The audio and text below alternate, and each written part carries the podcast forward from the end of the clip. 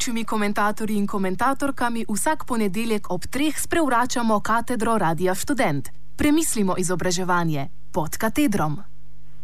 Telebajski, pedagoška miselnost in oblast.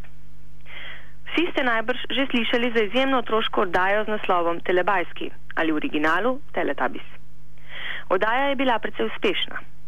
Če ravno je namenjena malčkom, je svoj čas dosegala precejšnjo gledanost tudi pri starejših otrocih.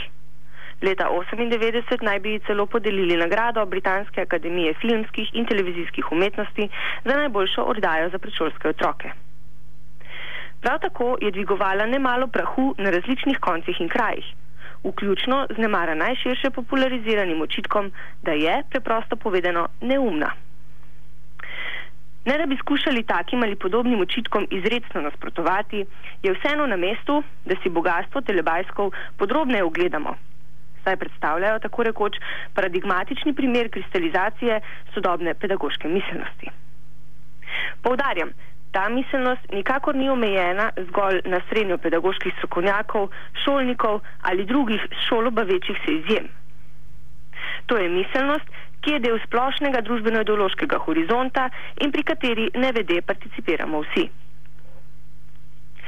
Prav kolikor je oddaja idejno podprta z določenim naziranjem o otroškem razvoju in pristopu k vzgoji, je ne smemo prehitro odpraviti z očitki o slaboumnosti, po katerih sploh ne bi bila vredna pozornosti in premisleka. Prav tako ne gre za polemiko, ali oddaja res ustreza predšolskim otrokom, ali res upošteva vsa dognanja o otroškem razvoju, ali je res primerna in dovolj izobraževalna in tako dalje. Če se spustimo v to vrstne razglabljanja, smo na neki način že pristali na osnovno podmeno sodobne pedagoške miselnosti, ki vprašanju otroškega razvoja in njegove primernosti na specifičen način pripisuje osrednje mesto in pomen. Bolj smiselno se je povprašati prav o tej in podobnih na videz popolnoma samoumevnih podmenah sodobnosti in v tem oziru so telebajski še kako poučni. Torej k telebajskom. Zakaj pri tem telečudežu pravzaprav gre? Oddaja je, kot rečeno, namenjena malim gledalcem od prvega do četrtega leta starosti. V njej nastopajo štirje liki, ki sami predstavljajo malčke, pripadnike mitološke vrste imenovane telebajski, ker nosijo trebuščku televizijski ekran, na glavi pa anteno. Gre za like malčkov, ki še ne znajo prav dobro govoriti in se med seboj večinoma sporazumevajo z otroškim čebljanjem in brbljanjem. Postavljeni so v prekrasno travniško okolje, kjer vedno sije sonce, rastejo rožice, sem ter tja skačejo zajčki, v zadju pa se večinoma sliši ptiče petje. Prebivajo v stravo porasli hišici, ki od zunaj precej spominja na nekakšno hobitsko duplino, znotraj pa je nad vse dobro tehnološko opremljena. V tem prebivališču prebiva tudi tako imenovani Nunu, bitjece, ki je po obliki in funkciji še najbolj podobno sesalcu za prah. Njegova funkcija je, da za malčki pospravlja in se vsaka raztrosijo naokrog. Vsaka epizoda se prične in konča, ko vzide in zaide sonce, ki telebajske opazuje z nasmejanim obrazom človeškega dojančka. Takoj lahko opazimo, da v teledeželi ni odraslih.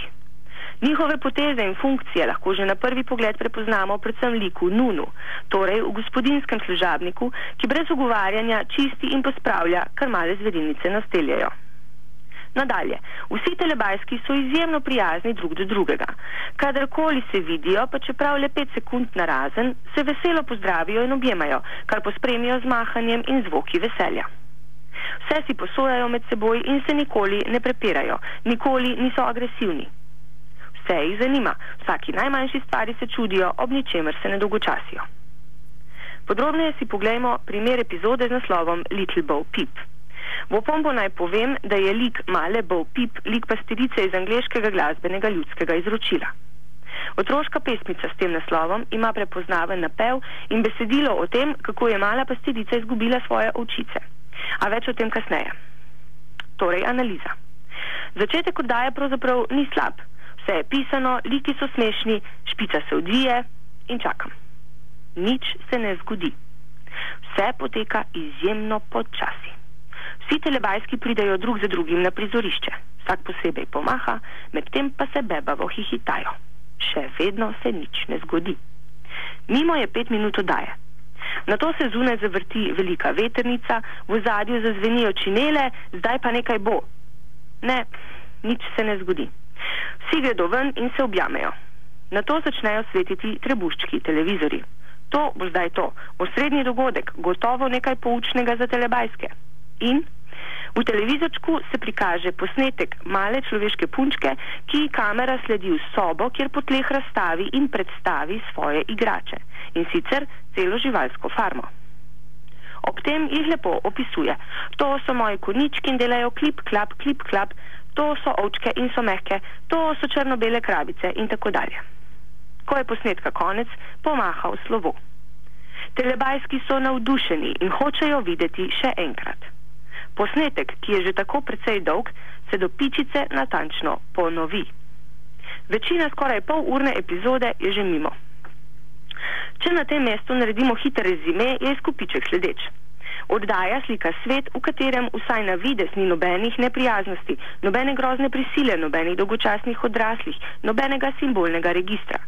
V likih, v katerih naj bi se otroci prepoznali, se ne kaže le stereotipna podoba sodobnega tolerančnega imperativa medsebojne prijaznosti. Prav tako se otrokom dopoveduje, da moramo biti venomer veseli, vse nas mora zanimati, sami se moramo učiti in slediti svojim impulzom. Pri tem nam pomagajo naši vrstniki. Učimo se drug od drugega, prostovoljno, brez prisile, samoinicijativno. In vsi smo srečni in nasmejani. Zelo podoben svet samoinicijativnega učenja in prijaznosti obstaja v prevladujoči pedagoški domišljiji, ki kreira podobo in smernice sodobnega šolstva. Če bi lahko, bi se sodobne pedagoške sanje o prijazni šoli, v kateri bo otrokom omogočen njihov svobodni razvoj, realizirale na tanko kot vedno zelena in sončna teledežela. V tem svetu se vsi učijo spontano, veselo, prijazno, brez prisile, konfliktov ni so le drobna nestrinjanja in nesoglasje sicer enakopravnih mnen, ki se razrešujejo strpno in dobro vseh. Kar je najpomembneje v tem idealnem pedagoškem svetu, ni slabe prisile, slabe avtoritete, podrejanja, ni slabe oblasti. Sodobni pedagoški diskurs namreč deli prisilo oblasti in avtoriteto na dva pola, na dobro in slabo. Tako se naprimer veliko govori o slabi tradicionalni šoli, ki se pripisuje vse domnevno zastarele metode, grozno prisilo in zoprnost, na drugi strani pa se slika dobro, sodobno šolo, ki se mora otresti vseh slabih stvari preteklosti in graditi na svojih sodobnih kvalitetah, aktivnosti, prijaznosti, demokratičnosti, ustvarjalnosti in podobno. To, kar se v to vrstnih polarizacijah umešča na stran slabega in nezaželenega, se povezuje predvsem z odkrito prisilo in podrejanjem. Oblast, ki bi preveč naravnost povedala, da je oblast, v današnji šoli in družbi, kot da nima več mesta. Mar res?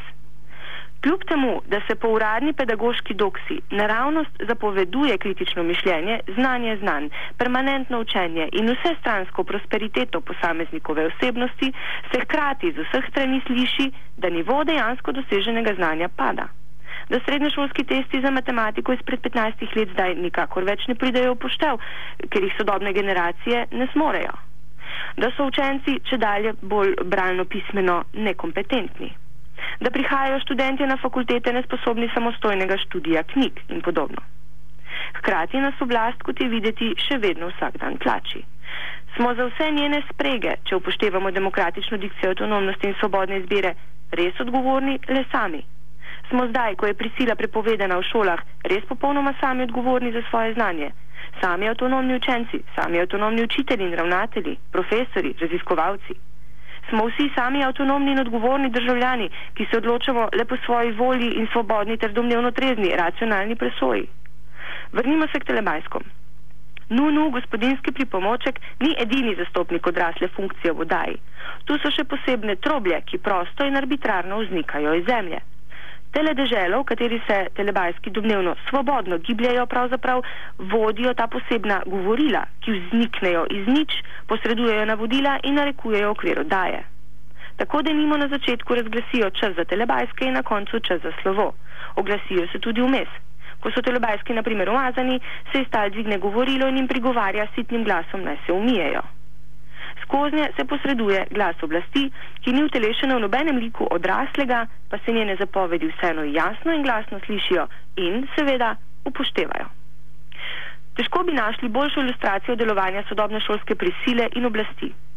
Seveda je celo šolsko, kot tudi družbeno polje, še vedno prepredeno z mehanizmi podrejanja.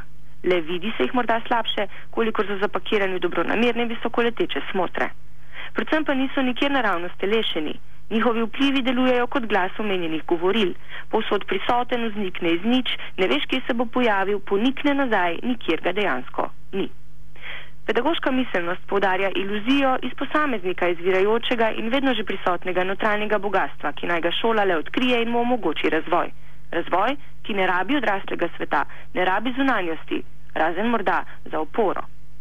Po isti logiki, le bolj očitno, so napravljeni tudi telebajski.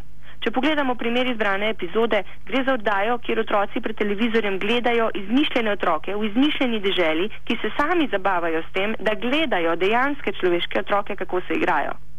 Namesto, da bi se otroci sami igrali, se njihova igra prenese ne le na like v risankah, kot je to pogosto pri drugih risankah z raznimi junaki, s katerimi se lahko identificiramo. Igra se tu prenese na resnične otroke v oddaji, ki jih liki, ki bi morali doživljati postalovščine, le opazujejo. Prek te dvojne posredovanosti je videti, da se v oddaji, v kateri se nič ne zgodi, otroku kaže le njegovo dvakrat posredovano zrcalno podobo da so tu otroci otrokom v zabavo in hkrati v poduk, odrasli in oblast pa da nimajo nič s tem. Da temu v resnici ni tako, je komaj da treba povdarjati. A v zmoti je, kdo misli, da telebajski zgolj zavajajo in skrivaj podrejajo. Nasprotno.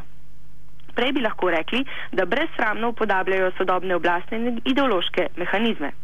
Vrnimo se k mali pastirici Bow Pip. Obstaja več verzij te znane pesmice. Najpogostejši vers pripoveduje o tem, kako je pastirica izgubila ovčice in ne ve, kje naj jih najde.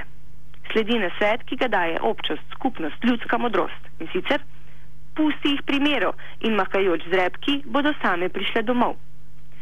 Če ravno bi pastiri najbrž ugovarjali to vrstnemu poenostavljanju njihovega dela, je poanta pesmi, kot se zdi predvsem v tem, da ovce, če jih pustiš primeru, same od sebe sledijo ustaljenim potem in svojim pastirjem.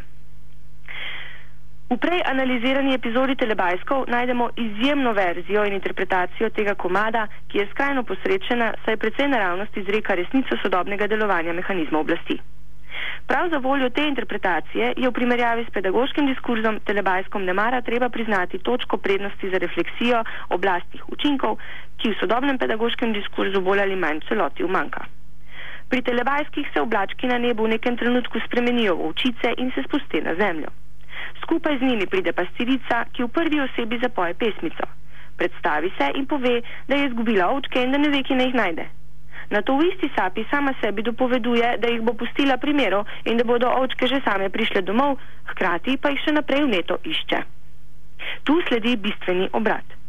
Ovčice, ki so v tradicionalni pesmici simbol slepe poslušnosti, za katero se ni treba preveč brigati, ker deluje po neumnem avtomatizmu, pridobijo tukaj lastno subjektivnost in spregovorijo oziroma zapojejo same zase. Mi smo ovčke, mi smo ovčke, mi smo ovčke in tukaj smo. V svetu telebajskov so celo ovčice subjektivirane, celo njim je pripisana vesela diskurzivnost, pojoč govor, s katerim razglašajo svojo ovčjo naravo in bivanje. Torej, v svetu, kjer ni odraslih, kjer ni simbolnega, kjer otroci bebljajo po svoje, so ovčice na drugi strani, polno opremljene z jezikom in samorefleksijo. Globino te njihove samorefleksije seveda nazorno izpričuje besedilo, ki ga premorejo.